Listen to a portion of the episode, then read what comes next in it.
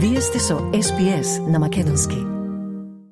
По најавата на техничкиот бугарски министер за надворешни работи Николај Милков, дека бугарската влада ќе усвои документ што ќе ги дефинира задачите на институциите во Бугарија со конкретно утврдени обврски за диалогот со Македонија, што во политичките кругови во Скопје се толкува како најава за нови барања и условувања за Македонија, Македонското Министерство за надворешни работи соопштува дека не се подготвуваат нови обврски за Скопје и Софија надвор од договорените принципи со меѓусебниот протокол. Најавените документи од бугарската страна се за внатрешна употреба, соопштува Министерството. Понатаму во соопштението се вели – Сите појавени информации за внатрешна посветеност за начинот на организација, акционите планови и приоритетите на новата влада се внатрешна работа на Република Бугарија и тие не представуваат резултат од меѓусебните разговори. Од тука сакаме да ги отфрлиме сите наводи дека се подготвуваат нови обврски за двете држави, надвор од договорените принципи во меѓусебниот протокол кои значат прво реципроцитет во рамките на преземените обврски, како и автономија на заедничката мултидисциплинарна експертска комисија за историски и образовни прашања, се вели во сообштението на Министерството за надворешни работи. ВМРО ДПМН е пак обвинува дека како што вели со најавениот бугарски документ СДСМ продолжува со концесиите кон Бугарија. Миле Левков на пресконференција рече: Овој документ ќе биде основата на која Бугарија ќе го оценува напредокот по нивни терк и според кој ќе одобрува или не продолжување на преговорите.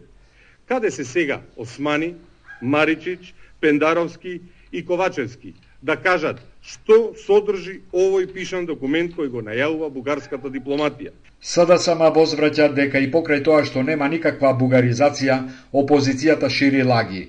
Дарко Каевски на пресконференција рече. ВМРО ДПМН шири невистини и лаги за некакви нови договори, за некакви нови услови со кои се обидува да ја вознемирува јавноста. Многу брзо ќе се покаже дека и оваа лага на ВМРО ДПМН ќе пукне како меот од сапуница. Оваа партија, предводена од Мицковски, има проблем секогаш кога државата бележи напредок во евроинтеграциите. Николај Милков, кој е дел од бугарската техничка влада со мандат до 2 октомври, завчера изјави дека со новиот бугарски документ ќе се постигне системски пристап на задачите и одговорностите во диалогот со официјално Скопје, бидејќи во Македонија нема меѓупартиски консензус за ова прашање. Еврејската заедница во Македонија од Битолскиот катастар побара да се провери потеклото на собственоста на куќата во која е сместен бугарскиот културен клуб Ванчо Михајлов во Битола. Ова уследи по прилогот на германската национална телевизија ЗДФ под наслов Не по секоја цена во ЕУ, во кој новинарката вели дека куќата во еврејскиот кварт некогаш му припаѓала на еврејско семејство кое било депортирано за време на нацистичката окупација. Председателот на еврејската заедница во Македонија Пепо Леви за неколку медиуми вчера даде слична изјава. За тебе сител тој рече: Немаме податоци дека таа куќа припаѓала на еврејско семејство. Вчера ја спуснавме веста на телевизија и денеска веднаш да сакавме да провериме во битолскиот катастар како се работите. Моментално куќата што води на човек македонец од Битола Битолскиот катастар соопштува дека може да се добие уверение за движење на собственоста од 1932 година до сега, но постапката ќе потрае. На улицата Рузвелтова во Битола постојат неколку објекти за кои со сигурност се знае дека се градени од евреи и во нив живееле еврејски семејства.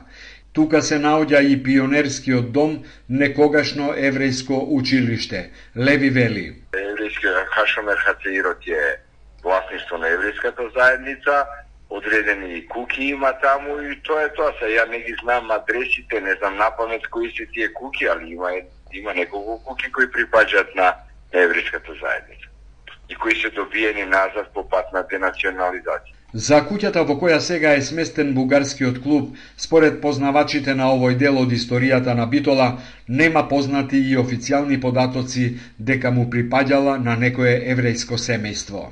Градоначалничката на град Скопје Данела Арсовска, одговарајќи на новинарски прашања за отпуштањето од работа на 33 вработени во јавното предпријатие Комунална хигиена, рече дека тоа што некому не му е продолжен договорот, значи дека раководството не е задоволно од неговата работа. Се работи за лица кои не си ги извршувале своите работни обврски, а најголем дел од нив не се ни појавувале на работа. Понатаму Арсовска рече.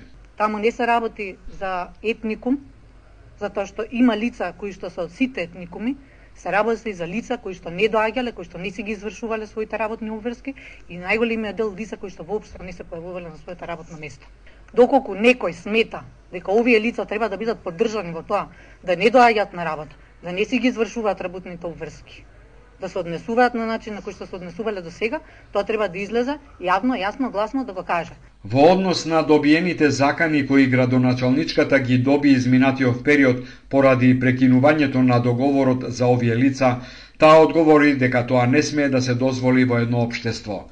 Министерството за политички систем и односи меѓу заедниците демантира дека отпуштените вработени од комунална хигиена Скопје биле вработени според рамковниот договор.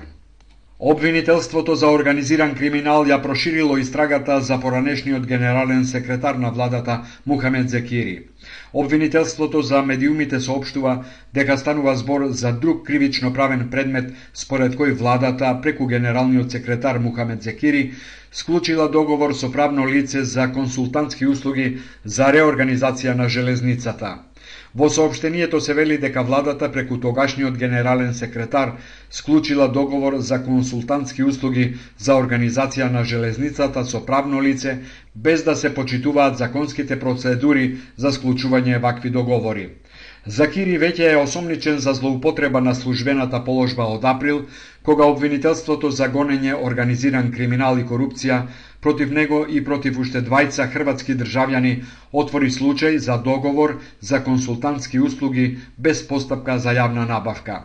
Зекири е во куќен притвор повеќе од еден месец, а Скопскиот апелационен суд му го продолжи за нови 30 дена. Од почетокот на овој месец во Македонија се регистрирани 88 пожари, а само завчера регистрирани биле 18, информира вчера директорот на Центарот за управување со кризи Стојанче Ангелов. Тој на пресконференција на која информира за најновите состојби со пожарите рече ги повикуваме земјоделците да не ги палат стрништата, сточарите да не ги палат пасиштата, бидејќи оваа сезона имавме повеќе пожари, кој што започна од палење на стрништа или пасишта. Сточарите намерно, намерно ги палат пасиштата за да добијат поквалитетна паша или да ги изгорат трњата, ниските смреки кои сметат на пасиштата, но понекогаш огнот излегува од контрола и може да предизвика сериозни последици. Ангелов кажа дека оваа година првпат се користел полициски хеликоптер во гасењето на пожарот во фабрика во Тетово на 30 мај. Ангелов додаде дека ако се влоши ситуацијата, односно ако се прогласи кризна состојба, ќе биде активирана и армијата и полицијата, оценувајќи дека недостасуваат одреден број потребни средства. Сакате ли да чуете повеќе прилози како овој? Слушате подкаст преку Apple Podcasts, Google Podcasts, Spotify или од каде и да ги добивате вашите подкасти.